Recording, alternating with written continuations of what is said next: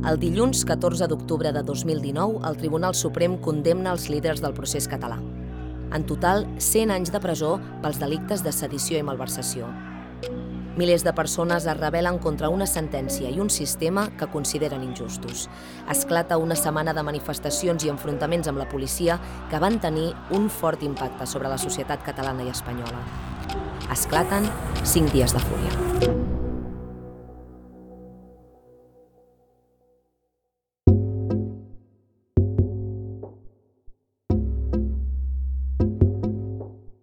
Hola, sóc la Laura Aznar, periodista de Crític, i esteu escoltant 5 dies de fúria, una sèrie de podcast sobre les protestes contra la sentència del procés.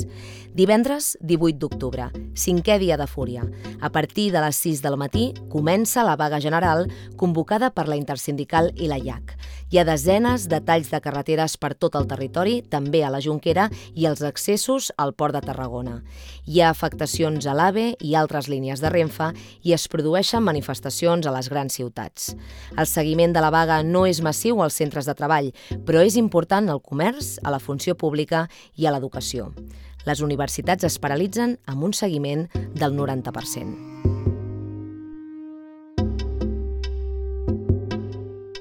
Cap al migdia, comencen a arribar les marxes per la llibertat a Barcelona. Centenars de milers de persones que han caminat 100 quilòmetres durant 3 dies es troben al Passeig de Gràcia. Però malgrat totes aquestes accions multitudinàries, tothom recorda aquell divendres pels incidents a la Via Laietana.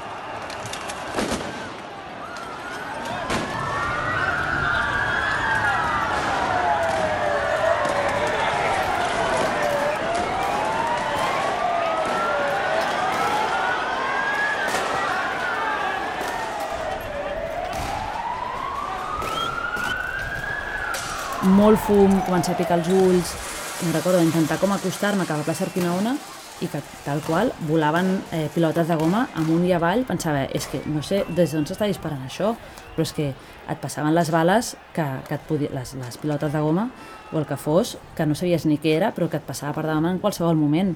I que és que qualsevol persona pot acabar aquí ferida perquè és que ja, ja no cal ni que estiguis a primera línia, és que estàs molt més enrere i estan volant projectils per totes bandes i era molt més fort que el dia de l'aeroport, molt més fort que els incendis del dimecres i molt més fort del que hem vist mai, d'estar de, sobrepassats, de dir, és que, és que no sé ni com m'he de moure, ni on he d'anar, ni qui és cadascú, ni, ni res, i, i vigilar perquè no et treguin un ull, bàsicament, i que no et rebentin la càmera, perquè, perquè era molt, molt bèstia aquell dia i durant moltíssima estona.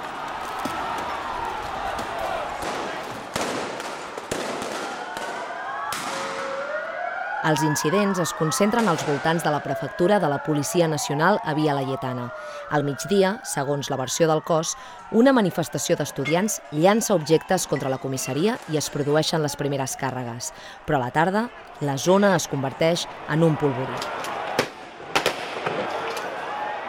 La Policia Nacional reforça les posicions i estableix un cordó al voltant de la prefectura. A l'altra banda, els manifestants formen barricades amb contenidors prop de la plaça Urquinaona. Poc abans de les 6 de la tarda, la línia policial la situa només a uns metres davant de la concentració. Els manifestants s'asseuen al mig de Via Laietana i, de sobte, la policia carrega per dispersar-los. Minuts més tard, es viralitza un vídeo on es veu la detenció d'un jove assegut a primera fila i que porta una dessuadora taronja.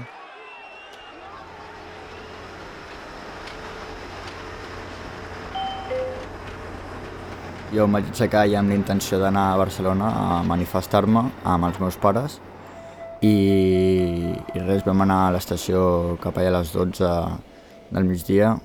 Clar, ens feia fins i tot il·lusió aquell dia, no?, que baixés perquè vam dir, ostres, se li va... Baixaré tu baixaràs? Sí, sí, baixaré perquè això ja és indignant. I vam dir, carai, ostres, com dient, s'està fent gran, no? Vull dir, amb 16 vam dir, ostres, s'està fent gran i potser sí que les coses ja comença, no, no, perquè això és una injustícia, ja tenia el, com una mica els valors ja més, més, més, com de més adult, no? Com si hagués dit, ostres, mm, ja ara ja s'estan passant. En aquell moment, el Guillem tenia 16 anys. Al migdia va agafar el mateix tren que els seus pares, però en vagons diferents. Volia anar a la manifestació amb la seva colla d'amics. Després de dinar uns entrepans, el Guillem i els seus companys es van apropar a Via Laietana, on la policia ja havia format el cordó. Vam anar a, per, per les primeres files, jo em vaig, jo em vaig assentar, en teoria no, no, deien que no havien de cargar ni res, en plan, ja van avisar de que no hauria de passar res en teoria, i, i res, ens vam quedar allà sentats fins que van carregar sense avisar i no, no va donar temps a reaccionar.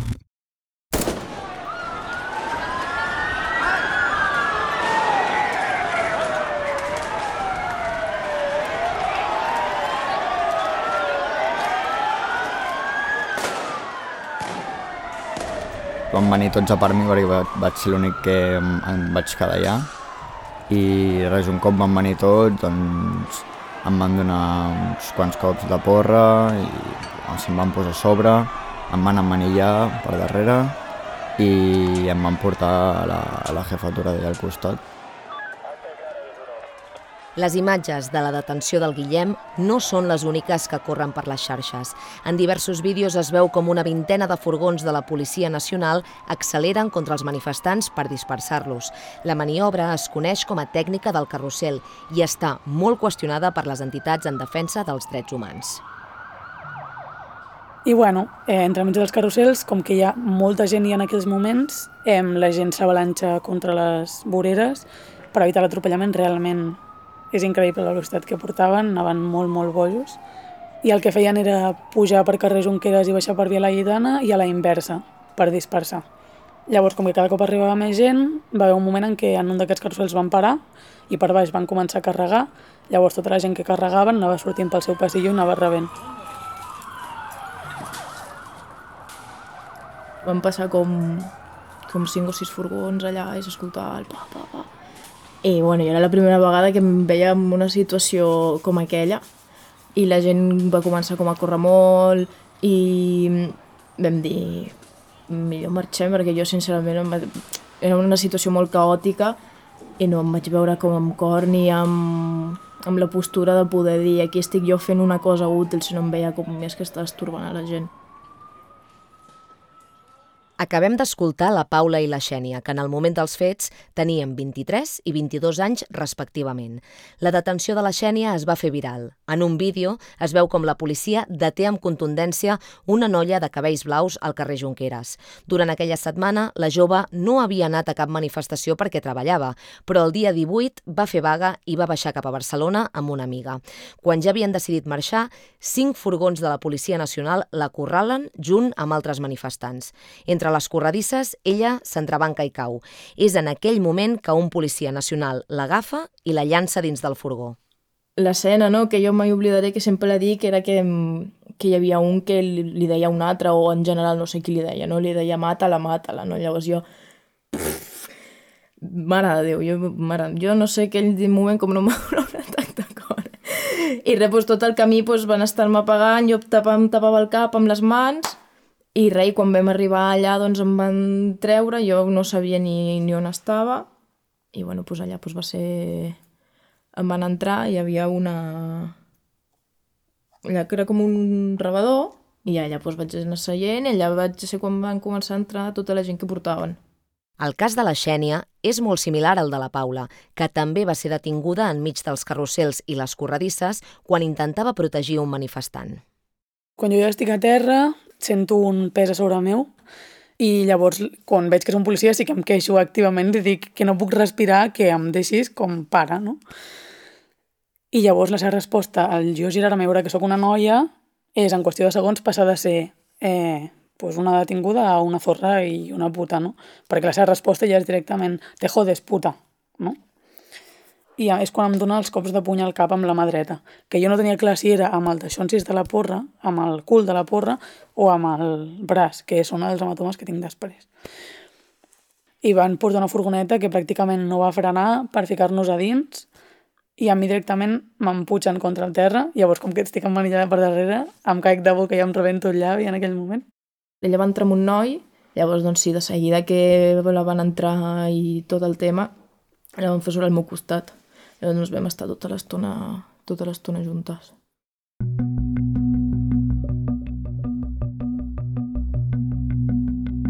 La Xènia i la Paula es coneixen en aquell moment a la prefectura de la Policia Nacional a Via Laietana. A poc a poc van arribant nous detinguts. Allà no hi ha càmeres ni testimonis que comparteixin vídeos a les xarxes socials, però tenim el relat del que van viure el Guillem, la Paula i la Xènia durant aquelles hores. Només entrar allà estava rodejat, rodejadíssim de policies nacionals, estaven per tot arreu, i em van fer sentar de genolls mirant la paret, em van registrar la motxilla, no parava de rebre burles, insults, i, i bueno, a partir d'aquell moment jo cada, cada paraula que deia doncs em giraven la cara amb, amb una tort, amb, una, amb un cop o amb una hòstia perquè, perquè no parlés, perquè jo ara ja, allà dins era un terrorista per ells. Els nois el, eren els que més... No, els nois els entraven allà i els hi fotien d'hòsties a saco, hi havia, hi havia sang a les parets també i tot. Del, bueno, la paret que teníem davant nosaltres era bastant, bastant heavy. I en un moment concret d'aquests de la jefatura, un dels homes va aparèixer per al pis de dalt i va cridar als seus companys em, de las mujeres me encargo yo, ¿está claro? I van dir, està claro. Llavors, a partir d'aquell moment, per a bien i per a mal, em, com que la nostra integritat física estava eh, protegida per les ordres d'aquest home, que no sé qui era, no? com tenim molt clar que los hombres plin, però com a les mujeres, que habíamos dos, no se les puede tocar. Els disturbis i els enfrontaments continuen als voltants de plaça Urquinaona fins ben entrada la nit. Les barricades cremen i els Mossos d'Esquadra utilitzen per primer cop en la seva història un camió amb un canó d'aigua per dispersar la gent. La policia també llança gasos lacrimògens, es produeixen agressions a periodistes acreditats i fins i tot detenen el fotògraf del país, Albert Garcia, que estava cobrint els aldarulls amb el braçalet que l'identificava com a premsa. Por favor, que son fotógrafos. Que son fotógrafos. del país, por favor. La gente, por favor. També hi va haver agents ferits, que anaven entrant a la prefectura per refugiar-se. Un d'ells, segons va informar la Policia Nacional, de molta gravetat. Un policía herido, no sabemos exactamente qué ha pasado, estaba junto a sus compañeros eh, dispersando un grupo que habían formado una barricada de contenedores y enseguida hemos visto como entre tres los sacaban en brazos. Van entrar tres de lleus que estaven conscients cridant, dient que havíem, habíamos matado a un compañero. I va entrar un quart que el portaven com estirat, com inconscient, entre unes quantes persones i el van deixar una sala. I llavors, a partir d'aquí, tot l'ambient va començar a ser molt tens, tots els detinguts que van haver a partir d'aquí es van emportar unes pallisses increïbles i se'ls va tractar molt, molt malament. De tota l'experiència de, la, de, de tots aquests dies, la cosa més dura que m'ha passat hagut ha sigut haver de veure a, a les companyes que no les coneixia de res, però patir d'aquella manera i tractades com, com les van tractar i no poder fer absolutament res i sentir aquells crits de dolor i veure la sang a les parets de davant meu de xavals amb traus al cap o de la sang del nas.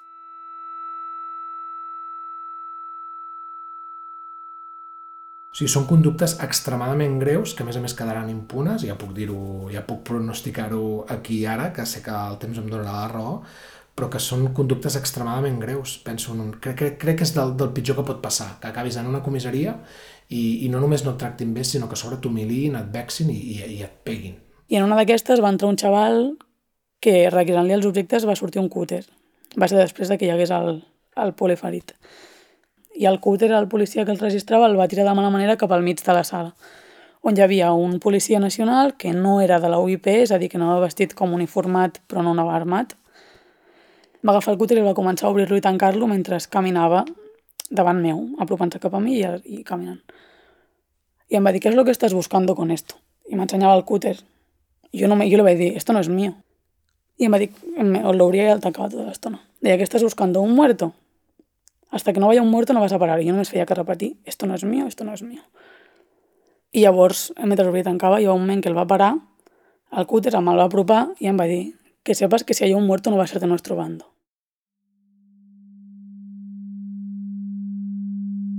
Tant el Guillem com la Paula i la Xènia són traslladats a la comissaria de la Berneda abans de passar a disposició judicial. Tot i que també van anar a la manifestació, els pares del Guillem no sabien que el seu fill estava detingut. Ells no havien baixat fins a Urquinaona, sinó que ja havien agafat el tren de tornada.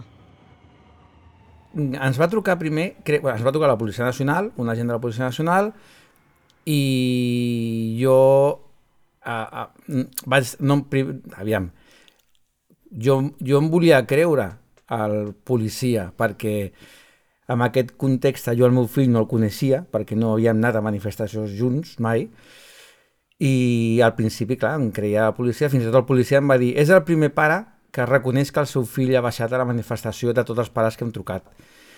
El pitjor va ser quan em va passar el Guillem per telèfon, ara li, ara li passo al seu fill. El meu pare en aquell moment es pensava que jo havia cremat containers, havia fet de tot i per això m'havien detingut i en aquell moment no em va creure gens, o sigui, em, va, em va dir que abans creia la Policia Nacional que a mi. I jo en aquell moment em vaig derrumbar perquè, clar, el meu pare encara no havia vist ni el vídeo, ni cap prova, ni res de res.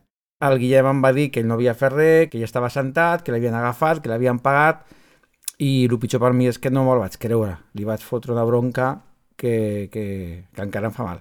Vull dir, després quan vam veure les imatges, ho vaig veure i dic, buah, que fort i per això no, no, no ens tirem enrere. Vull dir, és injust el que li van fer ell.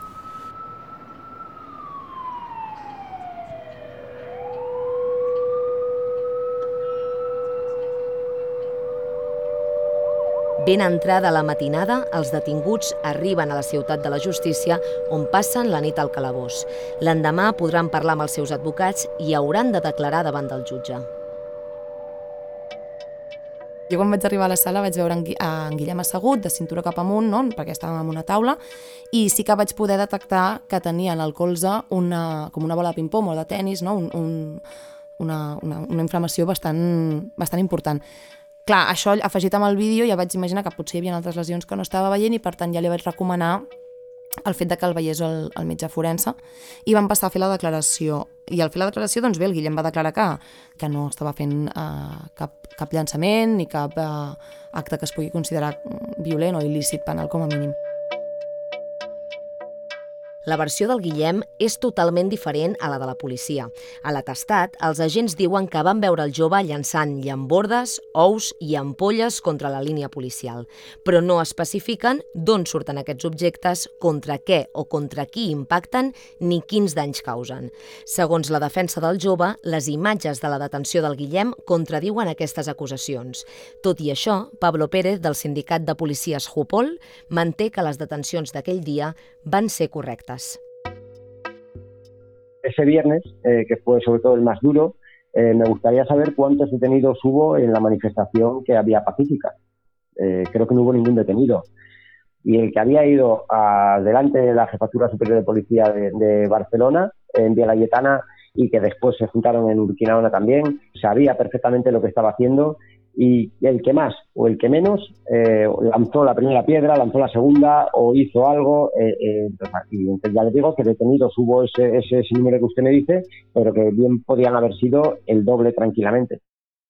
Just al, a l'acaba de declarar em van dir això, que el pitjor que em podia passar és l'internament a un centre de menors. I jo vaig tenir molta por perquè, clar, jo tot el que sentia era una injustícia brutal i a sobre que després em demanessin l'internament a un centre de menors per una cosa que no he fet, doncs em va semblar molt ridícul. Clar, aquí quan vaig sortir fora i em vaig tornar a trobar amb els pares, va, els hi vaig explicar i els, els hi vaig voler mm, transmetre una mica la preocupació, perquè si jo pensava en els procediments d'adults, això estem ja dissabte al matí, era quan començàvem a veure no, que la majoria de detinguts de divendres eh, se'ls demanava penes de presó eh, cautelars, la mesura cautelar de la presó provisional, i que estaven ingressant. I per tant a mi ara en un menor m'estaven fent l'equivalent. I, clar, doncs no, no em semblava, em semblava una bajanada jurídica, però no em semblava una bajanada com a, com a opció real que passés i per tant sí que no, els vaig haver de, d'avisar i de, bueno, que fossin coneixedors no? de que la situació era, era preocupant i a partir d'aquí per ells va començar l'espera de saber què vol Fiscalia. El Guillem no va entrar en cap centre de menors. El dissabte a la tarda va sortir en llibertat vigilada a l'espera del judici. Se li va imposar una ordre d'allunyament de la prefectura de la Policia Nacional de Via Laietana. L'ordre d'allunyament a, a, una, a, una, a una comissaria, a un centre policial del cos que sigui a un menor és una, una mesura que no té cap tipus de, de, de sentit davant de qualsevol problema que tingui el, el Guillem a, a la seva vida ha de poder anar a una, a una comissaria del cos que sigui i si li passa alguna cosa Via Laietana ha de poder anar a la prefectura igual que hauria de poder anar a un establiment a demanar ajuda o a la persona que passa pel carrer. Per tant, és una mesura que no té cap tipus de sentit eh, en tota en ella mateixa. Però, però en tot cas, amb el que jo ho relaciono és amb la, amb la viralitat que, del vídeo de la detenció d'en Guillem. Es va fer molt públic i, a més a més, no només es va fer públic, sinó que en Guillem no va quedar-se callat, sinó que va decidir donar la cara, donar la cara i relatar el que va passar, relatar el tracte que va rebre, i no només relatar-ho als mitjans o als seus pares o a mi, sinó que a més a més prendre les mesures legals eh, pertinents que van ser la querella. Trobo que és bastant lògic perquè bueno, després de tot el que em va passar doncs, trobava molt injust que després d'estar sentat a una manifestació legal que vinguin a, a carregar contra mi il·legalment perquè no van avisar, doncs em va semblar molt malament. Llavors jo, clar, jo vaig decidir, pues, bueno, jo i la meva abogada em, em va em va aconsellar que, que això, que els denunciés a, a tots els que van venir per mi. El Guillem ha presentat una querella contra l'actuació dels agents de la Policia Nacional pels delictes de vexacions, amenaces i lesions i contra la seva integritat moral i els seus drets constitucionals. Pues sinceramente veracidad le doy una veracidad nula. Eh, no, no creo que los compañeros se traten en ningún momento de una forma humillante ni vejatoria a, a los detenidos. Entonces, bueno, yo creo que una de las formas que tienen de, de defensa es arremeter eh, contra la actuación eh, policial y basarse pues, eh, en algo que lógicamente es la palabra de, de esta persona con la palabra, contra la palabra de los compañeros que intervinieron. ell va decidir que no, no, jo no vull que ningú pateixi això, a part de que ho he patit jo, però no vull que ningú passi per aquestes situacions, mm, tirarem endavant fins a l'última conseqüència. I aquí estem.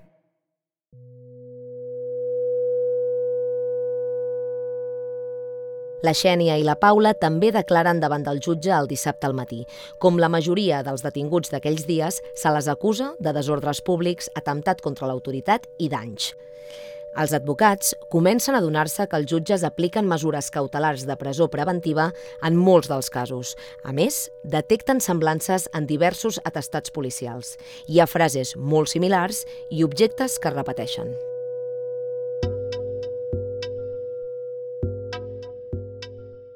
En el cas concret de la Xènia, se l'acusa d'haver llançat objectes eh, contundents contra els furgons policials mentre aquests estaven circulant a la plaça Urquinaona i concretament doncs, de diversos objectes. Crec que es parla d'ampolles i de pedres i que llavors s'utilitza el que suposadament es diu que portava no? en la seva bossa que vaja, més que una bossa sembla que anés amb una mena de maleta, no? perquè portava, diu la Policia Nacional, doncs, des de pilotes de golf, eines, eh, tornavisos, eh, bueno, tot tipus d'objectes, que no respon a, a la realitat ni del que va fer la Xènia ni del que ella portava en la seva bossa de mà, en què és una, era una bossa molt petita, una mena de bolso, diguem-ne. El que es va descobrir en aquest cas, i que penso que bueno, en el seu moment doncs, veurem quan tot això arribi a judici, és que sembla que els mateixos objectes es van col·locar en, en, les, en les detencions de diverses persones. ¿no? Oye, con los objetos, ¿qué hago? Las pelotas, las, las petancas, ¿qué hago? Que después llegamos allí y nos liamos con lo que le tenemos que poner a cada un. Llavors, més tard ens entarem de que a la Jenny l'han adjudicat una sèrie d'objectes que portava ella a la seva bossa i realment no, no sabien ni el que portaven, ni per qui eren, ni a qui li volien encolomar. Això és una, una cosa que tenim claríssima que vam, vam sentir perfectament. Jo què sé, hi havia com molts objectes allà enmig que que jo entenc, no? La gent també deia, no, no, això no és meu, no? I els policies agafaven i deia, sí, pues ara tu per listo, pues toma, patir, els hi foten a la bossa, no? Quan en els diversos atestats es fa el relat no, de quins objectes es llencen, l'ordre amb el que es, es, es relaten els objectes en diversos atestats és idèntic o similar. Aleshores, clar, això condueix a pensar que hi ha un patró.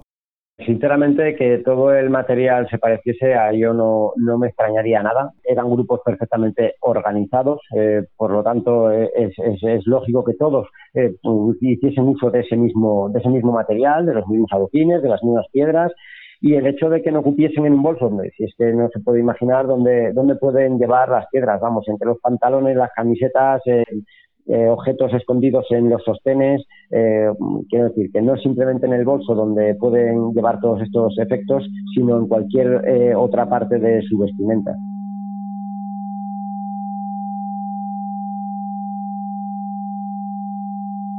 I al fer la, la compareixença doncs, es va decretar la seva, el seu ingrés no? en presó provisional a Batràs. Aleshores, jo vaig baixar a comunicar-li a la Paula aquest fet i va ser quan la Paula a mi em va dir, molt simbòlic jo crec de, de la seva atenció, em va donar les gràcies i em va demanar que la portessin a Batràs quan abans perquè volia anar corrents a la presó per així deixar d'estar sota custòdia policial. Clar, que una noia de 21-22 anys et demani i t'agraeixi anar a la presó per deixar d'estar en aquestes condicions va ser, va ser intens. L'única cosa que jo li vaig dir a ella va ser que em portin on vulguin però que em portin ja. Jo en aquell moment només volia sortir de dependències policials, necessitava sortir d'allà. Si havia de ser presó, doncs havia de ser presó, no? Però jo volia marxar ja dels calabozos, deixar d'estar en mans de, de qualsevol cos policial i anar-me'n a, a on m'hagués d'anar. És que això ens transporta, diguem-ne, al, al, a històries que hem sentit del franquisme. No? O sigui, això, que jo el que vull és entrar a presó perquè no estaré a disposició de que la policia faci amb mi el que vulgui, són relats propis de, del franquisme o de la lluita antiterrorista, no? o sigui, d'aquest estat absolutament desenfrenat, sense límits, sense garanties, sense control. La Paula va estar a la presó de Batràs durant 10 dies i el jutge també va decretar presó preventiva per la Xènia, que s'hi va estar 13 dies. Les seves cel·les estaven molt a prop. La pobra era com que feia una mica de mare, no? Llavors jo pensava, bueno, almenys si, si he de passar això i ho he de passar amb ella, doncs mira, almenys no ho he de passar sola. I tinc la gran sort de que tot aquell procés d'aquells dies vaig poder estar amb ella i no vaig estar sola, perquè bueno, jo crec que si a estar sola ho hagués viscut d'una manera bastant pitjor.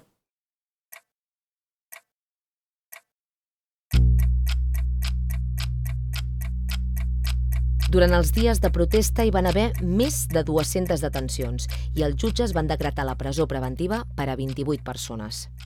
Uh, o sigui, aquella setmana van passar moltes coses que jo no havia vist mai. Uh, no les havia viscut en persona. I, i des de que la pròpia Fiscalia uh, tenia instruccions la fiscalia, les quatre fiscalies catalanes tenien instruccions de demanar presó preventiva per totes les persones involucrades en, en, el, en les protestes. I això jo t'ho puc uh, confirmar perquè així m'ho han explicat fiscals que, amb, qui vam, amb qui vam compartir aquells dies, que estaven de guàrdia, alguns dels quals, per cert, es van negar a, a acatar aquesta instrucció a la Fiscalia dient que, que vingués el fiscal general en persona a, a fer-ho, que no pensaven fer-ho però per tant es donen instruccions en matèria de presó provisional que eren inaudites. De moment, els únics absolts són el Xarab i l'Ibrahim. La resta de casos segueixen a l'espera de judici. De fet, la majoria de peticions de pena de la Fiscalia encara no s'han fet públiques. Jo prevec que les peticions fiscals poden ser molt elevades, realment, perquè si tenim en compte la contundència policial en la resposta a la manifestació, molt elevada, si tenim en compte la resposta judicial respecte als detinguts, molt elevada. Doncs previsiblement les peticions fiscals seran molt elevades. L'any 2015, la reforma del Codi Penal va augmentar les penes de delictes com el de desordres públics, especialment en el cas de manifestacions de notòria concurrència, és a dir, de protestes multitudinàries. La nova llei preveu penes entre 1 i 6 anys de presó afegeixes uns danys per eh, el bony a la furgoneta, eh, una esgarrapada amb una gent, o mm, un atemptat a l'autoritat perquè hi ha hagut una patada eh, en un moment donat, ens n'anem aquestes peticions de 5, 6, 9, 10 anys que són les que tindrem al damunt de la taula. Clar, una petició de 8 anys de presó per una persona que comet els delictes típics d'una manifestació és una petició elevadíssima. Voldria saber eh, quantes agressions sexuals acaben condemnades o amb peticions de 8 anys de presó.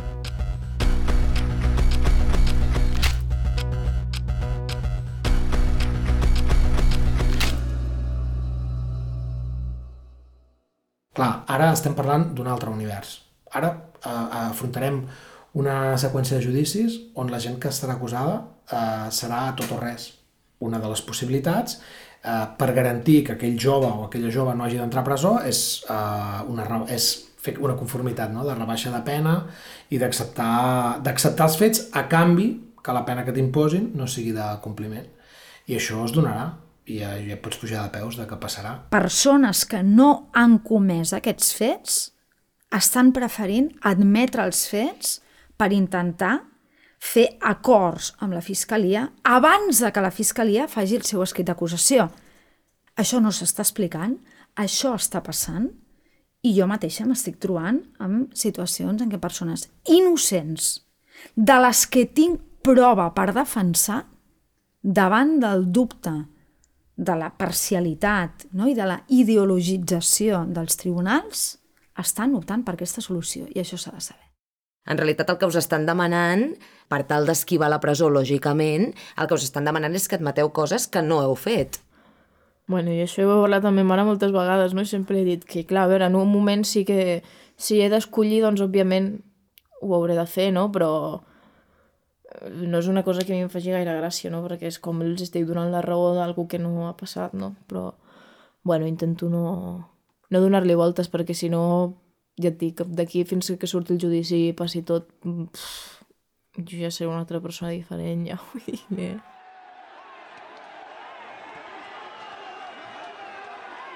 Aquell divendres, mentre començava la batalla d'Urquinaona, l'Audiència Nacional ordenava el tancament de la web de Tsunami Democràtic per terrorisme. Els cinc dies de fúria acabaven com van començar, amb sentències contra protestes i protestes contra sentències.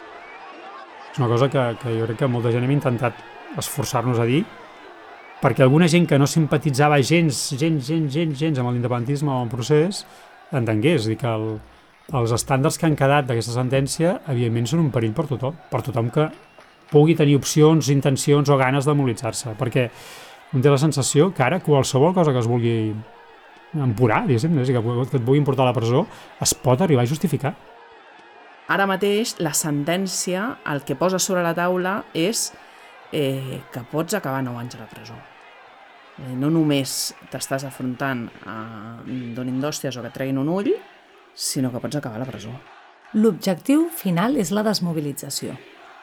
És que la ciutadania eh, doncs, no es mobilitzi en defensa de drets. L'objectiu és aquest. Com es fa? Doncs mitjançant la por, perquè és un mecanisme molt eficient és aturar una mica aquests moviments que pretenen buscar canvis i que els pretenen buscar canvis al carrer i a vegades de forma incòmoda i dificultant la feina de la policia i dificultant la, la vida de la ciutadania o el trànsit, però en qualsevol cas protesta pacífica, legítima, protegida pel dret internacional. Això és el dret a manifestació, fins i tot quan es manifesta algú que no ens agrada res del que diu. I, I a més a més, això ho ha descobert el, el moviment sobiranista i l'independentisme, per tant, que s'ha fet mainstream, perquè és un moviment molt ampli de milions de persones però és una pràctica eh, que ja existia a l'estat espanyol, no? Recordem les operacions eh, eh, contra l'anarquisme, eh, operacions eh, contra eh, grups de gent no? molt, molt més reduïts, que per tant tenien xarxes de solidaritat molt més, eh, eh, més petites i fins i tot menys capacitat d'accedir als mitjans de comunicació i més fàcilment criminalitzables. No sé, a mi és una que sempre em diu la meva mare, no? No, no vagis a les manifestacions perquè la policia acaba, acaba pagant. Eh, per tant, aquesta, aquest, aquest, aquesta voluntat d'insuflar por a la població davant la protesta és inherent a, a un estat repressiu.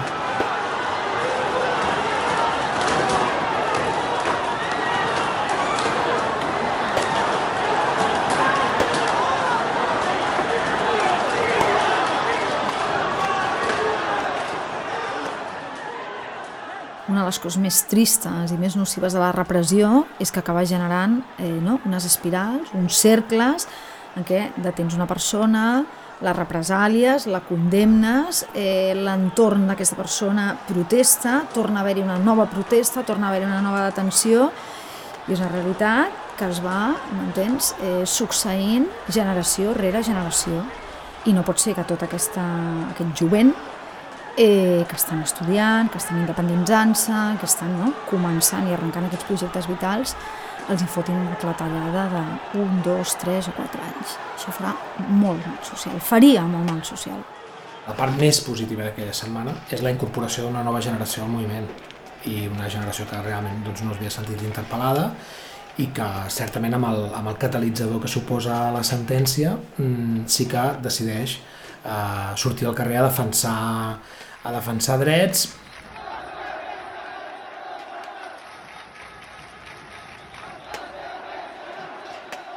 els joves són, jo penso, la part més difícil de neutralitzar de qualsevol societat, no? I en aquest sentit, jo crec que no, no hi va haver neutralització pròpiament dels, dels joves. En tot cas, perquè les protestes acaben té més a veure amb una lògica interna del moviment que no amb una lògica de, de triomf de la repressió.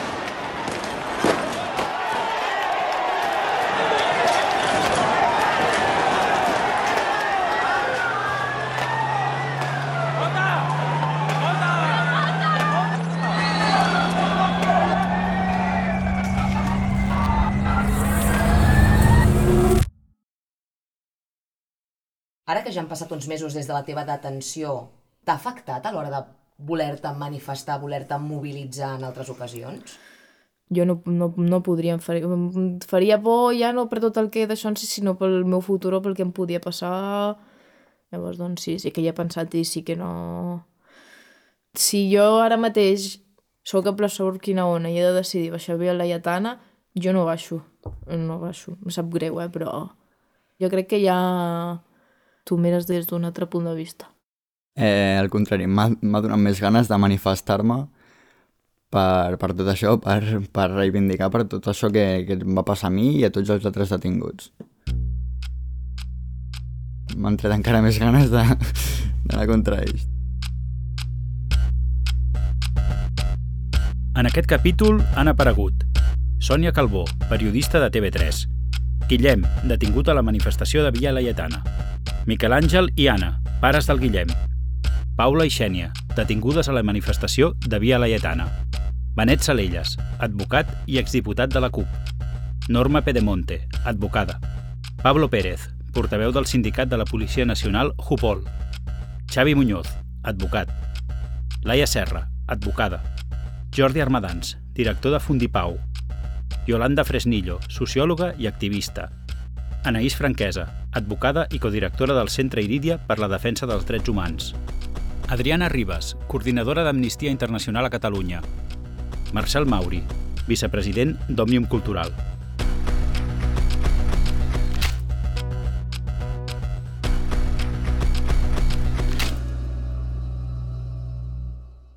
Cinc dies de fúria, un podcast de crític.